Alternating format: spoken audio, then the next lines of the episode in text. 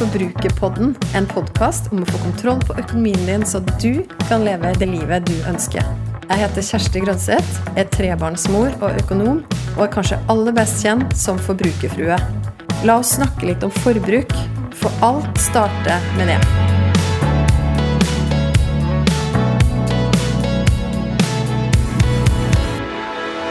Hvilket forhold har du til tall? Hvilket forhold har du til dine egne tall? Til andre sine tall? Til mine tall? Jeg fikk spørsmål i Bokbadet som Hallgeir Kvadsheim hadde med meg i anledning lansering av boka mi, om hva som var grunnen til at jeg valgte å være relativt åpen om min egen privatøkonomi. Som f.eks. i motsetning til han, som vel sjelden eller aldri har sagt noe i media om verken hva han tjener, eller hva han sparer, eller noen ting. Og da svarte Hallgeir at ja, i starten, da jeg begynte min reise som forbrukerfrue for litt over tre år siden, så var det noen tall som jeg delte. La oss ta et lite tilbakeblikk på hva jeg har delt av tall. Det er kanskje spesielt to tall da, som har festa seg ved meg og min reise, og det har delt åpent rundt. Våren 2019 så meldte jeg sjøl inn en sak til Din Side Økonomi om at vi var en familie på fem som hadde et matbudsjett på 5000 kroner. På det tidspunktet så tenkte jeg egentlig ikke særlig mye over at det var så ekstremt lavt.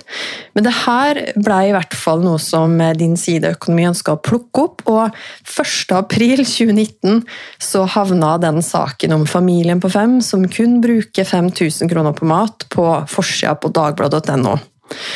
Og da husker jeg at innboksen min gikk varm. Noen trodde jo det var en aprilspøk, andre var veldig skeptisk, mens noen også var inspirert. Så det er definitivt et av de tallene som jeg har delt. Og i en periode så var jeg ganske lei av at folk kommenterte til meg rundt det her med matbudsjettet vårt. Spol fram til i dag, da, så har vi et matbudsjett som er en del mye mer enn 5000 kroner. Nå har vi også fått eldre barn. Jeg kan også si at vi har lagt om noen av vanene våre, sjøl om prinsippene og de gode tinga som vi gjør knytta til planlegging og prioritering, de består. Ok, så Det var det første tallet. Det andre tallet I desember 2020 så betalte mannen min og jeg ned 260 000 som vi hadde i billån. Da eide vi vår egen bil, en bil som vi etter hvert fant ut, eller ganske raskt fant ut at den var for dyr for oss til å eie akkurat da, sjøl om vi ikke hadde noe lån på den. Det vil si, den var verdt mer enn det vi egentlig opplevde at den ga oss, sjøl om det var en utrolig bra bil å kjøre. Men vi ønska heller å selge den bilen og sette pengene i en superbuffer og i aksjefond. Så og hvis du vil ha på en måte hele historien rundt det med tall og hva jeg har delt rundt det, så anbefaler jeg å gå tilbake litt i arkivet til Forbrukerpodden og søke opp en episode fra oktober 2020. Hvor jeg delte ganske åpent Det er vel en av mine aller mest personlige og sårbare og ærlige episoder noensinne. Da delte jeg hva jeg lærte de to første åra av reisen som forbrukerfrue. Men ok, hvor står jeg da i dag? Det jeg sa til Hallgeir, var at ja, jeg valgte å dele noen tall i starten. Men jeg har f.eks. ikke delt noe særlig rundt hva jeg tjener, eller hvor mye vi har i boliglån, eller sånne type tall, det tror jeg egentlig aldri har sagt noe om. Og det jeg også har opplevd da, rundt de situasjonene når jeg har delt konkrete tall, både med det med matbudsjettet og med gjelda, og også når jeg har sagt noe om hvor mye vi har spart, så har jeg opplevd at det relativt fort blir ganske mye støy. Det blir støy fordi at noen eh, stiller spørsmålstegn ved hvordan det er mulig. Andre ønsker da å vite alt. altså De ønsker å vite ok, men hvor mye tjener du da, hvis du sier at du sparer så og så mye. Så, og nå er det jo også sånn da, at i sosiale medier så er det jo en del profiler der også som har valgt å dele ganske åpent rundt tall. Og mye av det her har jo vært på bakgrunn av at flere og flere har blitt bevisst på egen økonomi. Og det at man har brukt f.eks. Instagram til å dele av sin egen reise, for kanskje også å holde seg sjøl ansvarlig. Og det kan jo igjen inspirere mange også. Men for min del så har jeg valgt veldig bevisst etter hvert å ikke dele så veldig mye konkret rundt tall. Og den aller viktigste grunnen til det, det er faktisk at jeg ikke mener at det er så veldig relevant. Fordi jeg mener at det er mye mer relevant når du skal ta tak i din økonomi, at du ser på dine tall. Ja, jeg forstår at det kan være inspirerende. At det kan være altså Det trigger jo også litt den nysgjerrigheten i oss. ikke sant? Det er, kjempe, det er spennende å vite både hva noen tjener, hvor mye de klarer å spare. Det får vi lyst til å følge med på. Men jeg mener at hvis du har et helt oppriktig ønske, og det tror jeg du har, du som hører på Forbrukerpodden, om å få en bedre økonomi, gå mot større økonomisk overskudd for din egen del, så tror jeg at det aller, aller viktigste for deg er dine tall. Og at det i noen tilfeller også kan være med å ta fokus bort fra deg hvis du blir for opphengt i andre sine tall. Jeg har også fått meldinger fra noen av dere som har sagt at de, dere blir demotivert av å høre andre sine konkrete tall, fordi det lett blir sammenligning. Og så blir man heller sånn at man kanskje tenker at åh, det der er ikke oppnåelig for meg. Og så er det lettere å gi opp enn å kanskje ta, få tak på hva var det den personen gjorde som var gode grep som jeg kan lære av. Så jeg tror at oppsummert så det er bra for deg å være mest opptatt av dine tall. Og hva er det lurt av deg å være opptatt av når det gjelder dine egne tall? Jo, det hele det starter med at du får oversikt. Det starter med at du får, eller at du har, at du vedlikeholder den oversikten hvis du en gang har satt den opp. Oversikt over alt du eier og verdien av det, og oversikt over det du har i gjeld. Og så, ikke minst, så er det viktig at du har god kontroll på og oversikt over inntektene dine, de du får inn på konto, og hvordan du bruker de pengene, de pengene som du jobber hardt for å tjene. Og for deg som har hørt på Forbrukerpodden før, så skjønner du nå at nå ser jeg for meg kakemodellen i hodet mitt. Den modellen som er tegna ned på en serviett første økonomidaten som mannen min og jeg skulle ha. Og jeg kalte det blogginnlegget, for det var den tida jeg også drev med blogginnlegg, for Cava og kake. Så Det var starten på det som i dag er kjent som konseptet økonomidate. Det var at vi satte oss ned. Vi hadde tegna en rund kake på en serviett, så så enkel er den modellen. Og samtidig er den kraftfull, fordi vi hadde delt inn den kaka som representerer hele inntekten, i fem kakestykker. Sikre, leve, nyte, drømme og gi. Og det som skjer når du putter dine tall inn i de kategoriene der, og lage da størrelsen på hvert kakestykke i tråd med hvor stor andel den enkelte delen av økonomien din utgjør av inntekten. F.eks. hvis du har 40 000 inn på konto, og du bruker 10 000 på sikre, f.eks. Da har jo du brukt 25% av det du tjener på sikre. Så når du da regner ut alle de her kakestykkene og tegner de inni kaka, så ser jo du, og den kaka kan si deg veldig mye om hvordan du prioriterer pengene dine akkurat nå. Og når du har oversikt over og har regna ut nettoverdien din, som jo er summen av alt det du eier, minus alt det du har i gjeld, så har du ikke et mål på hva du har å rutte med, fordi det er ikke så veldig sannsynlig at du kommer til å selge alt du eier for å betale ned all gjeld og sitte igjen med et overskudd. Men den er et mål på, og den sier noe om hvor sunn økonomien din er. Og når du regner ut og får oversikt over både boligverdien din, f.eks., du som har bolig, og boliggjelda di, så vil du kunne regne ut belåningsgraden din, som er da andelen gjeld, andelen av boligen din som er finansiert av gjeld. Og den har noe å si for hvilke betingelser du kan få på renta i banken. Og så kan du også, når du har oversikt over både gjeld og inntekten din, så kan du regne ut gjeldsgraden din. Så ser du da hvor mange ganger inntekten din har du i gjeld. Og det sier jo også noe om hvor sårbar du er. Nå vet vi jo at renta den har jo økt for de aller fleste bankkunder nå, eller kommer til å gjøre det i februar. Og den sier jo noe om hvor sårbar du er overfor renteøkninger. Den sier også noe om hvor sårbar du er hvis du skulle gå ned eller miste deler av inntekten din. Så det er altså noen viktige tall og noen sånne formler som du kan regne ut, som sier deg en god del om hvordan det står til med din økonomiske situasjon, når du da putter inn dine tall i noen sånne oppsett, som f.eks. nettoverdi.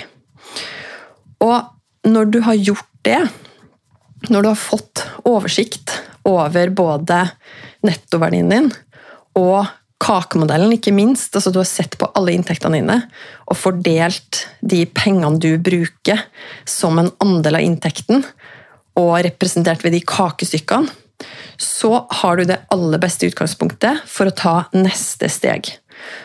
Fordi Kakemodellen den vil jo da vise deg hvordan du prioriterer pengene dine akkurat nå, så vil den også kunne vise deg, den vil gi deg, kunne gi deg noen aha-opplevelser. Ok, har jeg 80% levekostnader, ja. Det er ikke rart at jeg føler at jeg egentlig har litt lite frihet i min økonomi til å bruke penger på det jeg egentlig vil, og ikke bare levekostnader. Og Det gir deg et utgangspunkt for å begynne å se på. Det hadde i hvert fall jeg gjort hvis jeg hadde 80% levekostnader. Da hadde nok jeg ønska å snu på hver eneste stein og se på hvilke faste utgifter er jeg kan gjør noe med. Forhandle pris på f.eks. Boliglånsrenta, strøm, forsikringer. Og hvilke, hvilke utgifter som varierer, sånn som mat, klær og utstyr. Hva er det hva er det jeg ikke skal ta for gitt? At jeg bare bruker penger, at det bare blir det det blir. Men hva er det jeg skal klare å kanskje endre på noen vaner, som handler om, ofte om planlegging, prioritering, to ting som jeg ofte pleier å referere til som litt sånn superferdigheter. Hvis du har lært deg de, både når det gjelder mat, klær, utstyr, interiør, og hvis du putter på en tredje ting som handler om å faktisk være fornøyd der du er, så er jeg ikke overraska hvis du ser at du faktisk kan kutte noen av levekostnadene dine uten å reelt sett redusere livskvaliteten. Så kakemodellen vil jo si deg om du, altså hva du bruker mest penger på. Og den vil også kunne vise deg om du nettopp har nok frihet til å få leve det, det livet som du til syvende og sist ønsker. Og så kan det også hende at når du har sett på kombinasjonen av oversikten over nettoverdien din, det du eier og det du har i gjeld, så ser du at men jeg har jo ikke så særlig mye buffer. Jeg har ikke nok buffer til å egentlig sove godt nok om natta. Og jeg burde og ønske for min egen skyld å spare mer i buffer. Og du blir også klar over hvor mye gjeld du har, om du har dyr gjeld, som egentlig bare vil si at du kaster penger ut av vinduet i, gjerne i høye renter hver eneste måned. Så du vil jo kunne se ganske raskt hvilke grep du kan gjøre som neste steg. I tillegg så vil du også se hvor mye du allerede sparer og investerer i aksjemarkedet, aksjefond, og om du er klar for eller om du ønsker å begynne å spare til din egen pensjon. Og Det handler jo igjen om at du har buffer, at du har betalt ned dyr gjeld, og at boliglånet ditt, at du har prioritert å også få det ned på et nivå som gjør at du ikke er så sårbar overfor endringer i økning av renta eller endring av inntekten din, og at du også har de beste betingelsene som du kan få i banken. Så summen av det her vil jo si deg veldig mye om hva som er ditt neste steg i din økonomi. Det er derfor det er så viktig å bruke dine tall, ta utgangspunkt i de, og ha full oversikt. Men så vet jeg jo at du som hører på Forbrukerpodden, det kan godt hende at du har gjort alt det her allerede. At du har gjort det flere ganger, eller at lenge, det er lenge siden du har gjort det. Og at du tenker at åh, det her er jo super basic. Det her, ok, Gi meg noe mer, liksom. Hva er neste steg etter at jeg har fått kontroll på alt det her? Men vet du hva? Jeg tror at det det er egentlig alt du trenger for å både ta det første steget og det, ta de neste stegene i din økonomi. Og det kommer helt an på hva som er dine mål. ikke sant? Fordi at hvis du, hvis du er fornøyd med å ha satt deg opp for sikkerhet for framtida, altså du har den bufferen du har, du har kvitta deg med dyr gjeld, så handler det jo gjerne om å se på okay, hvor mye mer kan du øke da, det du vil sitte igjen med på lang sikt. Altså du, hvordan, hvordan, sparer du til pensjon? Hvordan er det de pengene der forvaltes, og hvordan kan de vokse raskest mulig? Og Det handler jo om å ha en portefølje av aksjer, gjerne i aksjefond, fordi at det består av aksjer som allerede er satt sammen av ikke bare én aksje i ett selskap og på den måten er sårbart, men at du har investert i en portefølje da, av aksjer gjennom et aksjefond. Akkurat nå så har det jo vært litt sånn der uro på børsene, og masse, masse fond har gått i minus og gått nedover og sånn. Og Da handler det jo om å ha tro på den langsiktige planen som du har, om å la de pengene stå der i minst fem, kanskje ti, kanskje flere enn det år. Og egentlig bare sitte litt stille når det skjer sånne ting, og tenke at ja, men jeg fortsetter med den planen som jeg har, om at de pengene her, det er de som skal vokse mest på lang sikt. Så det er veldig smart hvis du nå blir litt stressa over uro. Det kommer sånne perioder. Det kommer perioder, korreksjoner i markedet der kursene plutselig faller ganske mye, opptil 10-20% Men så vet vi jo da, hvis man tror på at historisk utvikling på børsen sier noen ting som helst om hvordan det skal se ut i framtida, sjøl om det ikke er noen garanti, så tror vi da på at det kommer til å gå oppover igjen. Og for noen som tenker at det her er også veldig basic, så handler det jo om at ok, har jeg, har jeg da etter hvert penger som jeg kan begynne å, å, investere på andre måter? Altså kan jeg ta noe større risiko i en begrensa periode, f.eks. Kan investere i noen aksjer som jeg tror på skal vokse mye på kort sikt, sånn at du i en kort periode da, kan få mer avkastning. Men det er jo veldig smart å gjøre med penger som du i teorien i hvert fall har råd til å tape, og at du på det langsiktige, det som du skal ha til din pensjon eller til et konkret drømmesparemål om fem til ti år, eller til dine barn for den del, at der, der tenker du mer trygghet.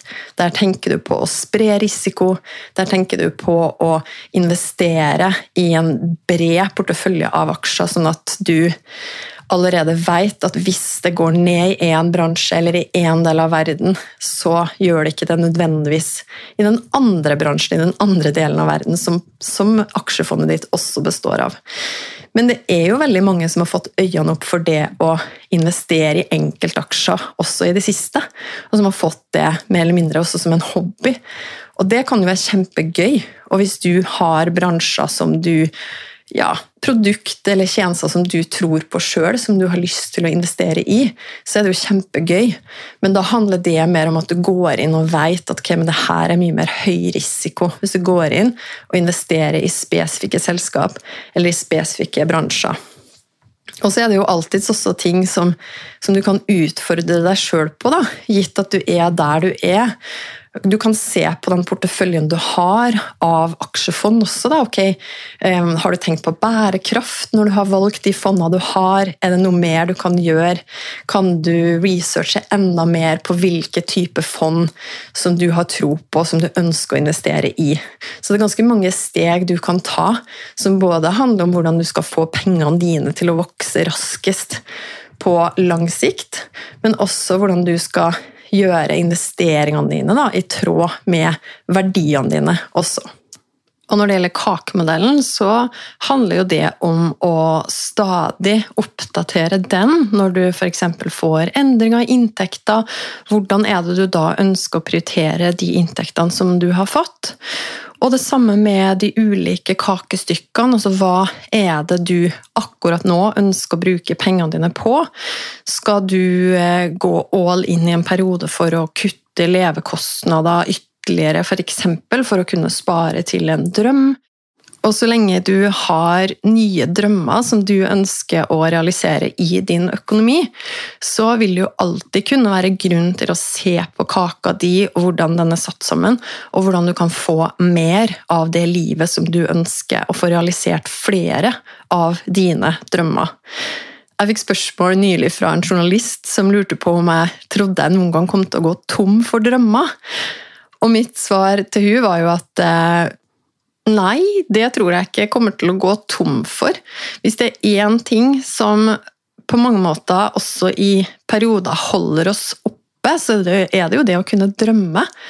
Og lite slår vel det også å kunne sette tall på drømmer og vite at hvis du gjør gode grep, så kan du få realisert flere av de tingene som du drømmer om. Og så sa jeg til henne at jeg er jo også gift med en mann, med Paul, som er veldig visjonær, og som også liker å tenke og drømme stort. Så ingen fare, det kommer ikke til å gå tomt for drømmer i vår familie, i alle fall. Så det jeg pleier å gjøre konkret med kakemodellen, det er å oppdatere den. Jeg har jo et regneark som ligger under, da, som er mer detaljert enn selve kaka. Og der pleier jeg å, legge inn hvis jeg har endringer, hvis vi har hatt endringer i inntekt, eller hvis vi har endringer i noen utgifter. Sånn at vi kan følge opp og planlegge veldig detaljert hva vi da har å bruke, og hva vi skal bruke de pengene våre på framover. Det Excel-arket det er jo en budsjettmal som du også kan få av meg. Så hvis du eh, sender meg en mail på heietforbrukerfrue.no, så kan du få den budsjettmalen av meg helt gratis.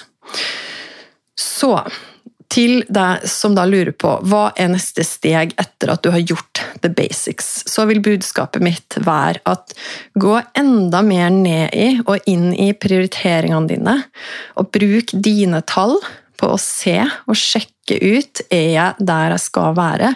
Får jeg det ut av mine inntekter som jeg ønsker? Så kan det hende at du oppdager også at nei, men jeg har jo lyst til å jobbe litt redusert. Jeg har lyst til å jobbe mindre.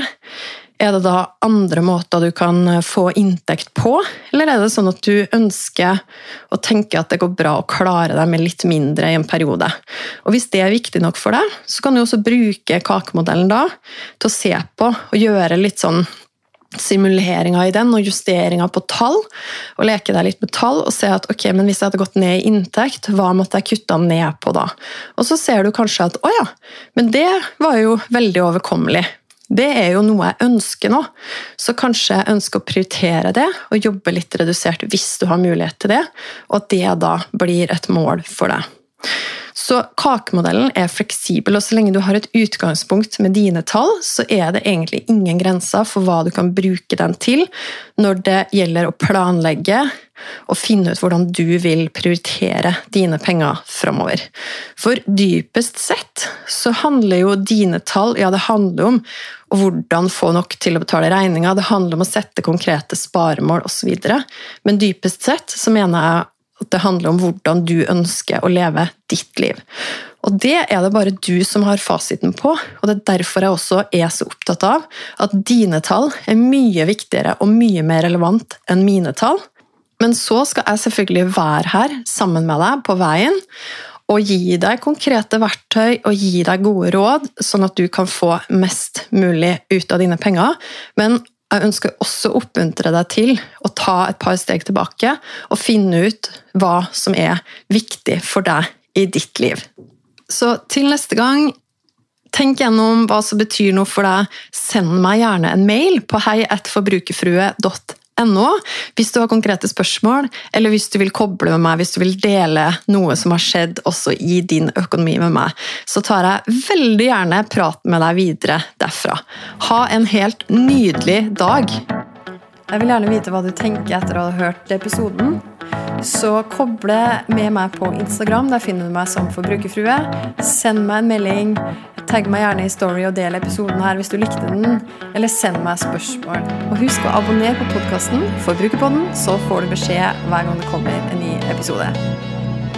Vi høres!